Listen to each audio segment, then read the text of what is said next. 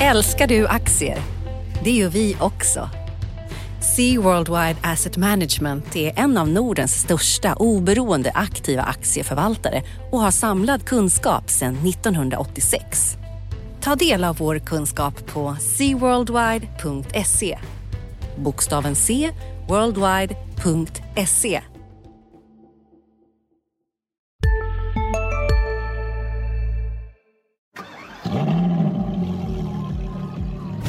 På Dagens Industris stora bildag den 11 december på Clarion Arlanda i Stockholm möter du några av den svenska och internationella fordonsindustrins tungviktare.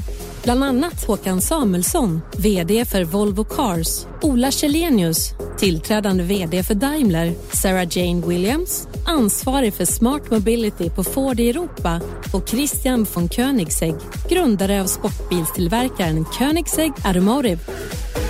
Hur påverkas branschen av nya testmetoder och hårdare utsläppsgränser? Behövs verkligen miljözonerna? Kommer förbränningsmotorer att förbjudas? Räcker bonus-malus för att ställa om fordonsflottan?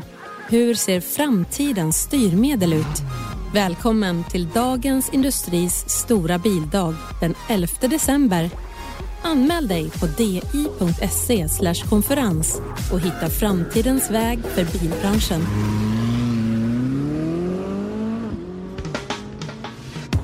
Analyspodden från Dagens Industri. Hej allihopa och välkommen till veckans avsnitt av Dagens Industris analyspodd där vi pratar om börs och finanser och ibland politik och dåtid men helst framtid. Jag heter Ulf Pettersson och idag ska jag podda ihop med Johanna Jansson. Hej, hej. Vi poddar på Skype nu idag, så att vi, men vi ser varandra i alla fall. Även om vi inte är fysiskt nära varandra så är vi psykiskt nära varandra, eller hur? Ja, kan man säga. Ja. Bra! Förutom ditt psykiska tillstånd, ska vi prata om någonting annat tycker du idag, eller? Ja, absolut. Men det är lite psykologiskt nervkittlande nu, är det inte det, på börsen? Det ska vi prata om, det skakar. Och eh, vi kan prata om vad vi tror eller vad vi tycker att det beror på. Det kommer säkert ta upp lite om Trump och handelskrig och lite räntor och sådär. Det är en del centralbanker som närmar sig sista räntemötena för året. Och eh, så finns det en illavarslande signal i USA, eller hur? Ja, det finns det eh, på alla sätt där. Och sen så har vi lite bolag på Stockholmsbörsen som har rört sig illa, illavarslande också, Starbreeze. Och, men inte alla. Clas Olsson steg kraftigt på sin rapport. Och så har vi lite, någon kapitalmarknadsdag i nästa vecka att prata om också. Lite annat också. Väl? Just det. Ja, Spännande. Och jag vill gärna veta, vi, jag tycker vi börjar med, med lite om börsutvecklingen Uffe. Hur, eh, hur nervös är du för det blodbad ja, det det. som har varit i veckan? Precis, hur allvarligt är det skulle nästan kunna vara liksom den övergripande rubriken. För nu har vi haft ett rejält fall som över, överstiger nedgången i januari-februari så att vi är nere på eh, årslägsta. Alltså, åtminstone var vi det när börsen stängde i torsdags. Idag så är det betydligt bättre ut här på fredag förmiddagen så vi är upp eh, nästan 2% Men eh, likväl så är vi nere på bottennivåer för året och den lägsta nivån sedan januari 17 egentligen. Så det är, det är liksom två år snart som, vi, som, liksom, som har försvunnit här för de som har varit på aktiemarknaden. Som säga. Och jag var inte särskilt oroad eh, fram till eh, den här eh, Huawei-gripandet av hon, eh, finansdirektören och dottern till grundaren av det här telekombolaget Huawei. Alltså då blev jag lite... i, i Kanada då, fast med, eh, eh, av USA? Just det. USA hade väl skickat någon arresteringsorder eller vad det kan heta i amerikansk juridik. Varför är det så problematiskt då? Nej, men helt plötsligt så går det, alltså de här Kina och USA, Trump får vi väl säga då, de var ju vänner i helgen under G20-mötet och det var positivt och de skulle nu prata i 90 dagar och de skulle inte höja några fler tullar utan det var lite vapenvila och man tänkte att ja, nu blir det kanske lite lugn och ro här ett tag. Och sen så började Trump twittra ganska snart efteråt om att, att eh, om inte Kina går med på det vi vill då, då är det liksom handelskrig igen och då blev marknaden lite nervös och sen så blev den väl på riktigt nervös när det gick från ord till handling, det vill säga när det gick från Twitter till att gripa eh, kinesiska medborgare. Och det är klart att då vet man inte vad som blir Kinas nästa steg, om de ska liksom gripa den amerikanska ambassadören i, Kina och hur det här utvecklas. Och det, det är klart att det blev, det blev lite, lite mer konkret då kan man säga än, än, än ett antal twittrande från, från presidenten. Men sen så är min fortfarande, så grundtanken här för mig är ju att, eller så som jag ser på, på börsen, det är ju att vi kommer ha en eh, stora svängningar både upp och ner. Jag tycker de här 2 procenten idag talar för det där och vi kan nog fortsätta upp ännu mer här under dagen om, om New York öppnar uppåt. Men så kan det komma bakslag ganska snart igen. Så jag tror vi kommer ha någon månad eller två fram till, eh, fram till det här eh, i slutet av eh, november när de ska så att säga när den här 90 dagarna är över. Men, men grundtanken är i alla fall, eller min grundsyn är nog att de kommer hitta en lösning för det ligger i bägges intresse. En lösning på handelskriget? Mm. Ja, på något sätt. Och att det som har hänt nu är ett sätt för USA att att höja insatserna lite grann och liksom USA har ju fortfarande eh, makten över, alltså de är ju Kina utan export till USA är ju inte så roligt. Eh, Kina USAs budgetunderskott utan en finansiering av Kina är inte heller så roligt. Men jag skulle säga att i det här spelet så kanske USA är den starkare parten och då känner Trump att han kan liksom gå lite hårdare fram än vad Kina vågar göra. Men och jag tror att de kommer försöka hitta en lösning. Eh, men som sagt var, innan det så kommer det nog vara lite oroligt. Ja, ja, då tycker vi, vi tycker lite olika här. Jag, för ja. det första när det gäller, och det är kul, eller hur? Ja, ja. Men för det första när det gäller handelskriget, så där håller jag med dig om att eh, det kommer, USA har fördelen nu och Kina eh, kommer absolut drabbas om, eh, av den förändring som, eh, alltså den här tuffare retoriken från USA. Däremot så är jag inte lika säker på att det är det värsta problemet för börsen. Men om du säger så, det kanske är så. Jag, ja, det behöver inte vara, vad, vad, vad ser nej, du? Men jag tänker att det här handlar om att vi är i ett nytt läge när det gäller bedömningen av risk på marknaden. Och där har centralbankerna, Fed började ju höja räntan 2015 och sen så har de, de inne på sin, de har höjt åtta gånger nu och framförallt det som kanske är ännu viktigare är att de då börjar avveckla sina tillgångsköp. Och en del av de här tillgångsköpen det var ju just för att trycka ner riskpremierna efter finanskrisen och sen när man då eh, försvinner bort, för, eller försvinner, det går ju väldigt långsamt men det är ändå så att centralbanken är på väg att dra sig tillbaka. Eh, så, så kommer vi se på risk på ett annat sätt. Och Det är inte så att jag menar att det ska synas i riskindex som det här VIX-index till exempel. Eller något sånt utan det, det är någonting betydligt mer esoteriskt än så. Det är svårt att definiera. Men det här ser jag som en del i det. Och då, då är det sådana saker som att eh, Ja, men till exempel att vi ser, eh, vi kanske ser stigande spreadar då på eh, högriskobligationer versus mindre riskfyllda obligationer och vi ser rörelser i den amerikanska yieldkurvan och sånt där. Sånt blir viktigt. Jag tänker att det här har med det att göra. Och sen finns det alla de här andra riskerna i bakgrunden då. Eh, handelskriget, politiskt strul i Europa Europa, Italien, allt det här.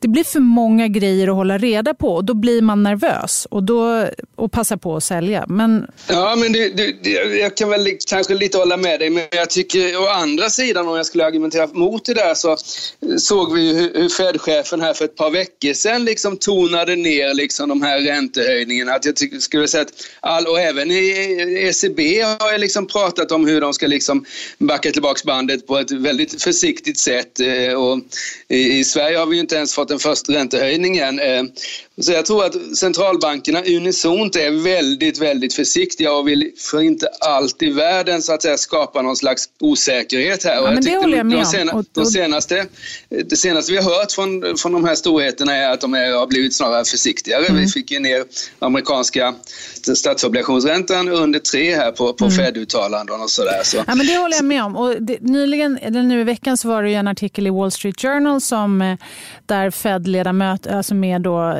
eh, där källor sa att Fed-ledamöterna diskuterade om man efter den här väntade höjningen i december då ska ta det lite lugnare under loppet av 2019. Och Det var också i linje med vad Powell, chefen Jerome Powell sa tidigare under hösten. Men det fick ju också effekt och då såg vi att börserna vände upp igår. Det jag menar är att det finns de här riskerna, handelskrig och annat som är dåligt liksom generellt för tillväxten, för, börsbol för bolagens liksom intjäning och sådär. De riskerna de bortsåg marknaden från när allting var i det här läget, när man, när man liksom fick hjälp av centralbanken. När centralbankerna då börjar vända, även om det går väldigt långsamt, ja, men då blir de här riskerna, då kommer de i ljuset på ett annat sätt. Och just nu så är det, det, det är komplicerat och det finns, finns många nedåtrisker.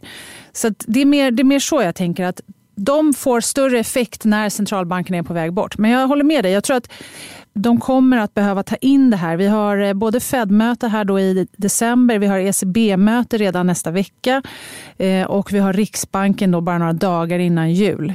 De kommer nog ta hänsyn till det här men de kommer inte de kommer inte vända. De är, de är inne på vägen mot en mindre expansiv. Ja, de, de byter inte fot redan, men de går väldigt, väldigt försiktigt fram och mycket mer försiktigt fram än vad vi trodde bara för några veckor sedan. Och visst, jag håller med dig, men, men sen så har vi då en annan, får vi se här, det har kommit uttalanden från Kina att de är, är beredda att göra mer för att, för att, så att säga, stärka, sin, stärka eh, konjunkturen, den kinesiska eh, ekonomiska utvecklingen. Så det finns många starka krafter som, som liksom verkar i en riktning för att, för att, för att hämma den här... Eh, att ska, vi ska, det ska kunna bli en stabilisering? Bli, ja. ja. precis. Att inte den här konjunkturnedgången som vi, som vi liksom har sett då, eller ska vi säga som, som man, ja, konjunkturnedgång, men att det liksom blir svagare tillväxt framöver, att den inte blir så mycket svagare just för att det ja, finns det så många som vill hålla upp det. var bra att du sa det, för att i veckan så fick vi faktiskt inköpschefsindex då. Det är ju klart att det är ingen superhård data utan man frågar inköpschefer i olika länder vad de tror om framtiden. Och där såg vi en vändning redan för ett år sedan. Och då eh, dysterkvistar som jag då eh, pratade om att ja, men det här kommer betyda att vi kommer få se en börsnedgång under 2019, någon, eller 2018. Förlåt. Och det, vet jag, det pratade du och jag till och med om här i Analyspodden. Och, eh, att när inköpschefsindex vänder så brukar man också se en sättning på börsen.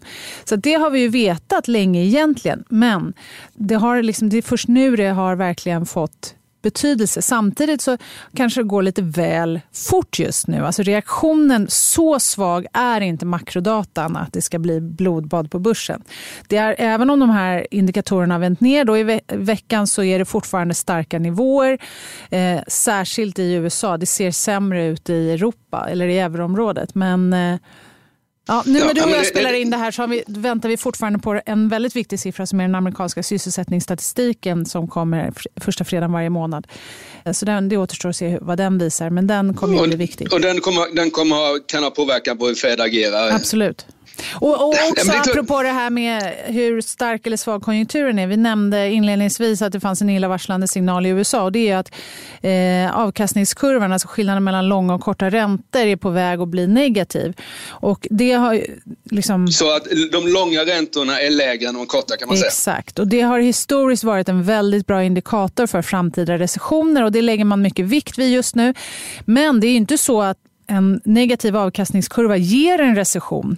Alltså ibland tolkas det lite så när man läser om det. Utan det är snarare en signal om att räntemarknaden prisar in sämre ekonomiska tider. Men det är också så att det är väldigt varierande hur långt innan det här händer. För det första så har avkastningskurvan inte inverterat än. Och när den väl gör det så tar det allt mellan nio månader och två år innan den här recessionen inträffar. Så det är inte så att nu, faller, nu har börserna fallit men den ekonomiska datan än så länge visar inte på att vi ska ha liksom en stor en kraftig konjunkturavmattning imorgon. Utan det är mer att det är, ett, det är, en ny fas helt enkelt. Det är inte den här fasen med liksom ständigt stigande vinster, fortsatt låga räntor, ingen inflation, utan det är någonting annat. Ja, men poängen är att ehm, eh, yieldkurvan och räntemarknaden är en väldigt bra indikator på vad marknadsaktörer ser framför sig. Men det är tajmingen som är det svåra. Ja, och du, när du pratar om att den inverterade, alltså att långräntan är lägre än korträntan och sen tar det nio månader till två år innan vi får en recession. Är det alltid en recession? Är det här liksom en väldigt liksom eh, signifikant eh, signal? För det är ju inte som du sa, det var hönan och ägget här. Det är inte så att eh, räntekurvan styr konjunkturen utan konjunkturen styr snarare räntekurvan som en effekt av hur marknaden ser på liksom, framtiden. Ja, men så är det. Nej, men alltså, det har varit en väldigt bra recessionsindikator. Det har varit ett falsklarm totalt sett då, under de senaste mm, decennierna. Så det är en väldigt bra indikator. Men återigen, alltså, den är inte inverterad än. Och dessutom så är det så att när den väl nu är den på väg under nollstrecket men det är framförallt innan de tidigare, de senaste kriserna, alltså 2007, 2000 och eh, eh, alltså efter IT-bubblan 99-2000, då är det framförallt när den har först varit negativ ett tag och sen så gått upp igen. Det är då det, är då det har blivit fara och färde.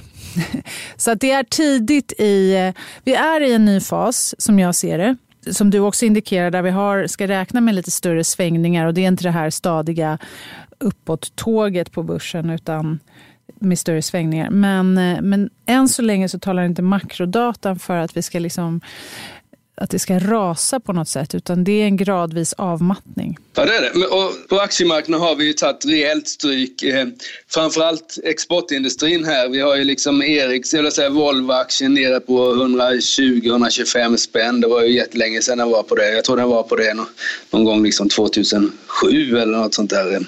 Ja, sen var den ju mycket lägre, 09. Nej, men det, det är klart att man har ju, man har ju prisat in eh, så att här vinsten. När, när Volvo värderas till P 8-9 då räknar räknar man ju att vinsten ska bli rejält mycket lägre kommande två åren än vad den är idag. Och det, men som sagt var, det, inte, det kan absolut hända men det är inte, det är inte stensäkert. Alltså Volvo är ju ganska optimistiska om framtiden. Marknaden har ju sig gått väldigt bra här men frågan är, det, man kan liksom, det som är det intressant här är att vi ofta utgår ifrån liksom hur det, nu har börsen gått upp i sex eller sju år i rad här men man får inte glömma bort att det som, vi var ju nere rejält lågt i samband med finanskrisen 08-09 och så att säga, jag vet inte hur det ser ut egentligen.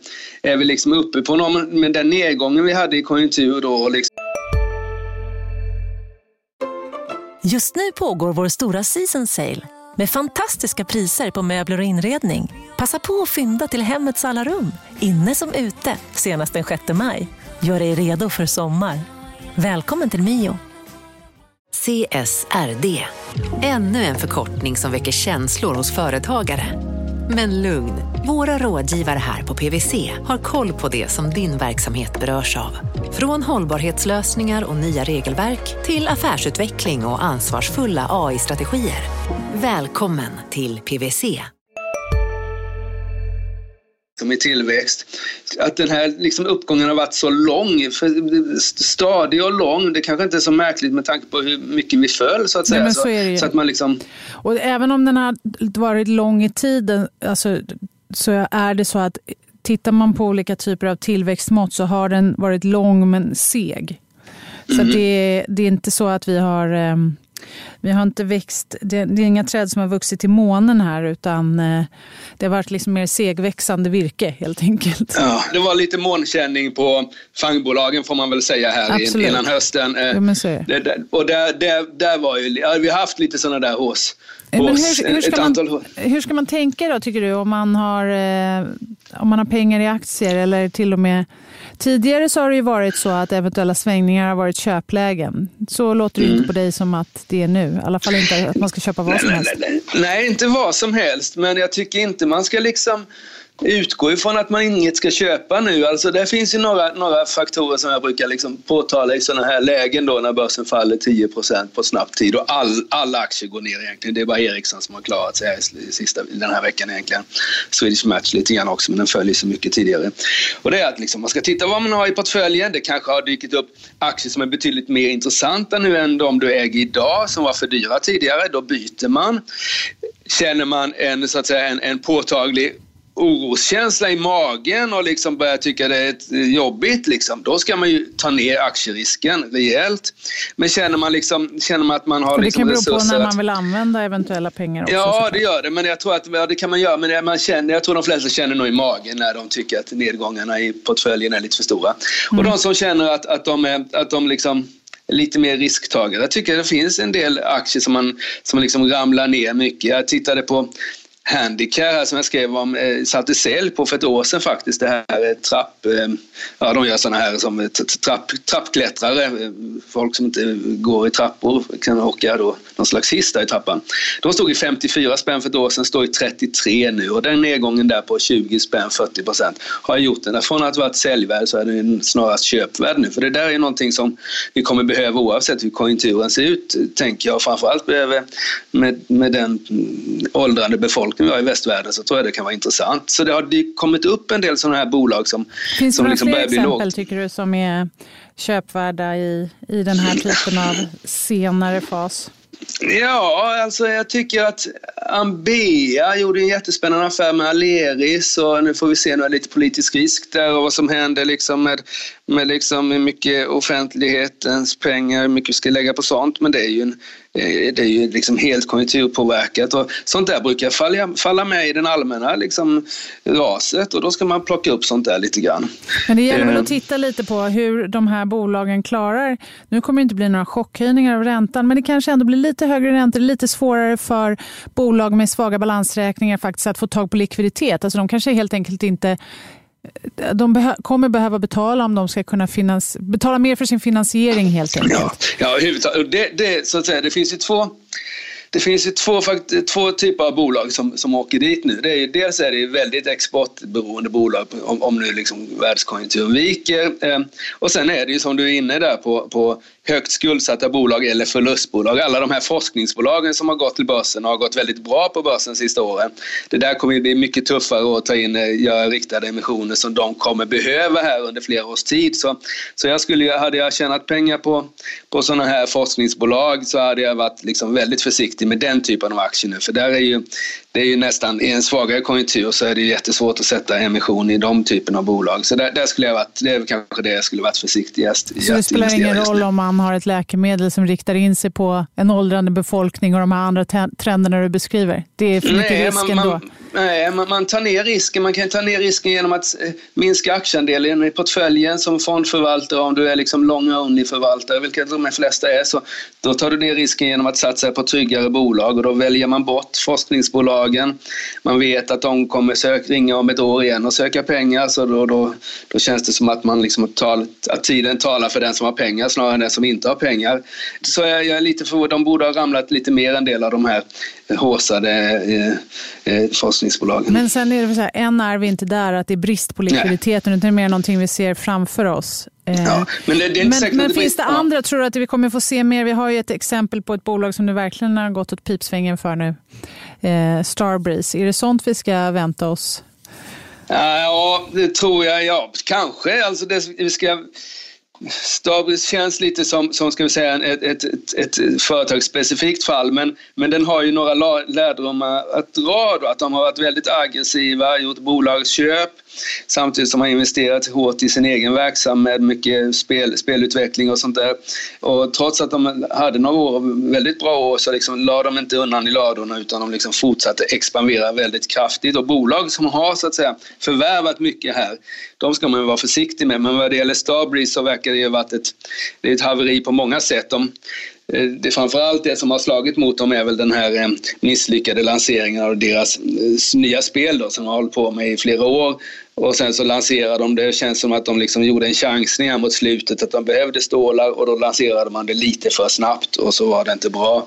Och då blev det jättedåligt och det är inte lätt att komma igen då. Nu är det ju i, eh, i, rekonstruktion här och det är ju liksom inte, då ska man ju inte köpa aktier om ett bolag är i rekonstruktion för då är det ju bankerna som, som så att säga håller i taktpinnen istället för aktieägarna och bankerna ser ju bara till, till att de får sina pengar och skiter i aktieägarna. Så det, det, jag tror att den där, den som handlar så den är ju aktien tågordningen trots allt.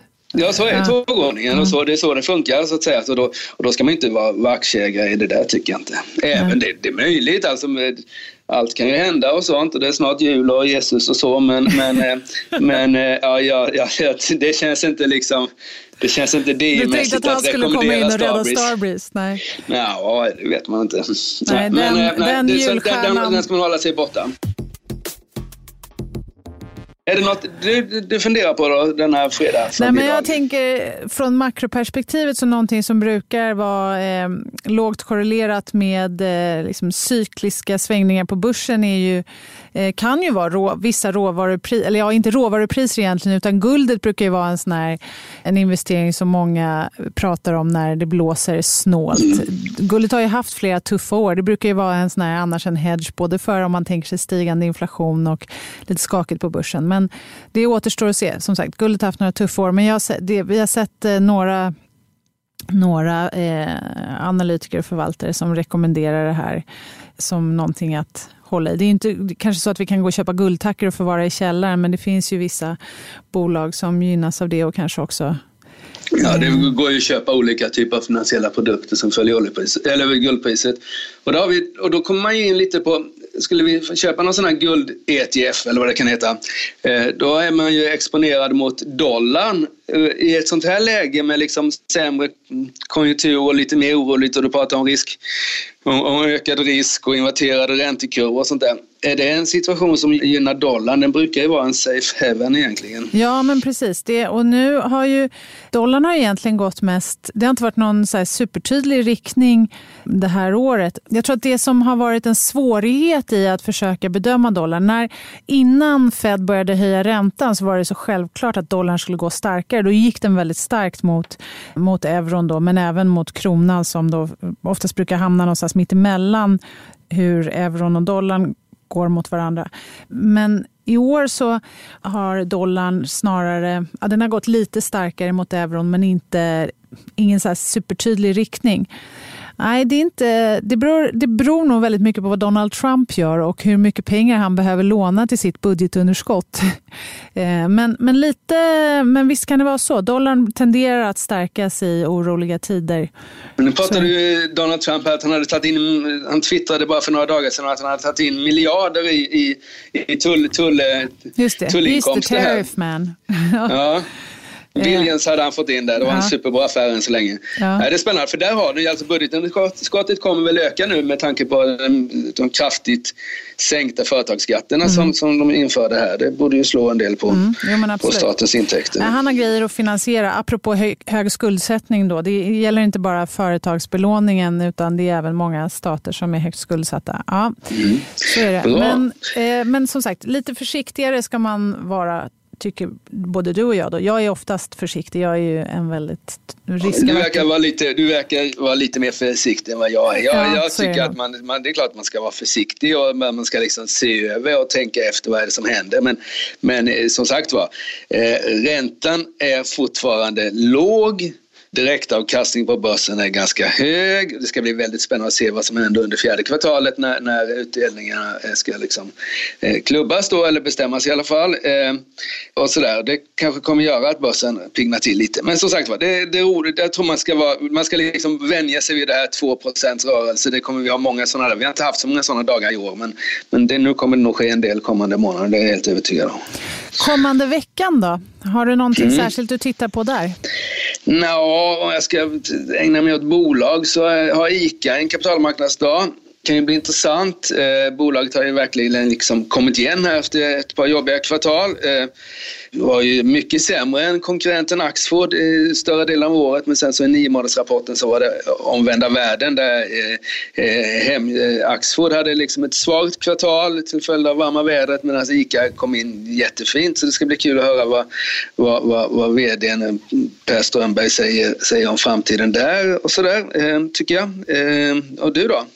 Ja, men jag kommer hålla ögonen lite på det. Jag har ju en Brexit-omröstning i det brittiska parlamentet eh, också i nästa vecka den 11 december. Och där är ju förväntningarna på marknaden att eh, det kommer bli bakslag för Theresa May och att de kommer behöva traggla det här vidare. Och det är ju kanske inte så spännande. Det är väldigt svårt att prata om Brexit, för vad ska man kunna säga? Det enda vi vet är att vi inte vet särskilt mycket och det här kan hålla på länge.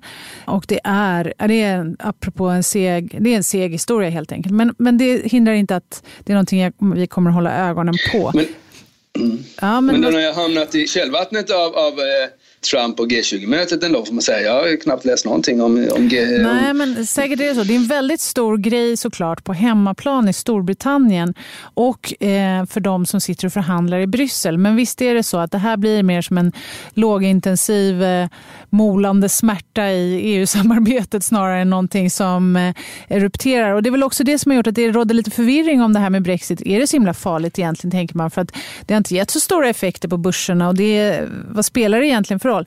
Ja, men det här är ju inte en akut händelse utan det är just precis det här. Lågintensiv smärta och när det gäller när Storbritannien väl går ur så ja, jag, jag är övertygad om att det här är, det kommer vara dåligt för Storbritannien och det kommer vara dåligt för EU. Men det kommer ju inte ske över natten de här effekterna. De sker bara om det går via finansiella marknaderna. Och de, utan snarare så tror jag så här att vi kommer se effekter under lång sikt. Och Det ser vi också tecken på, att man blir mer försiktig med investeringar i, i Storbritannien. Att de brittiska universiteten är rädda att de inte kommer få tillräckligt med, med forskningsstöd och sådär. Så, så det, är, det är den typen av mer liksom i bakgrunden effekter som vi anar redan nu. Men, men de rikaste länderna i Europa, det är ju de som inte är med i EU men som ändå har, har eh, och, och liksom avtal, Norge och Schweiz och sånt där. Ja, det är argumentet för de som är pro-Brexit. Det stämmer. Mm. Men eh, de har ju också en annan typ. Alltså Norge till exempel som har sin olja, det är en självklarhet. Eh, Schweiz har sina banker och det är klart att om, om London skulle kunna bli ett nytt Schweiz och ha hemliga banker, men de har ju liksom ändå de har ju med det här finmaskiga nätet med, med eh, banker som i resten av EU. Och vill man då som bank ha en filial i ett EU-land, men då kan man ju inte längre välja Storbritannien. Men, eh, utan då, får man ju, då är det bättre att ha filial i Frankfurt istället.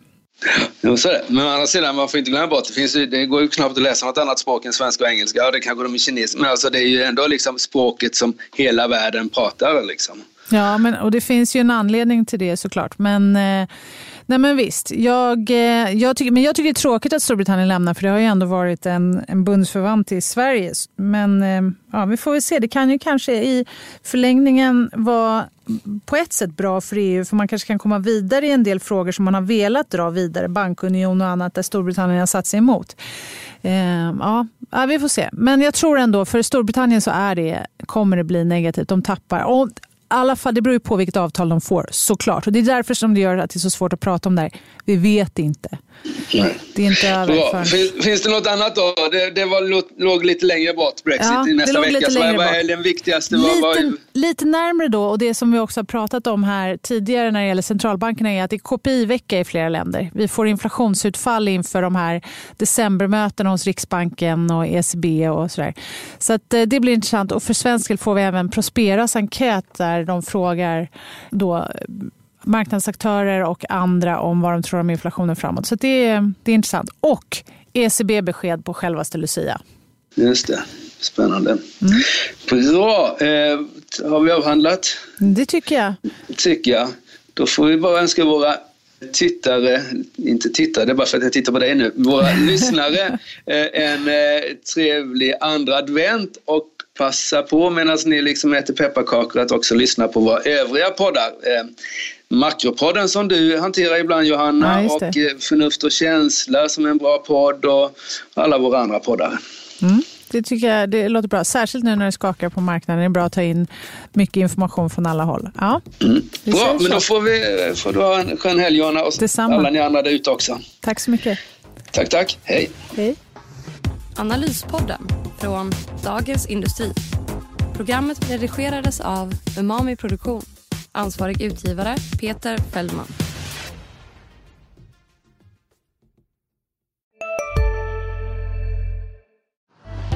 Älskar du aktier? Det gör vi också.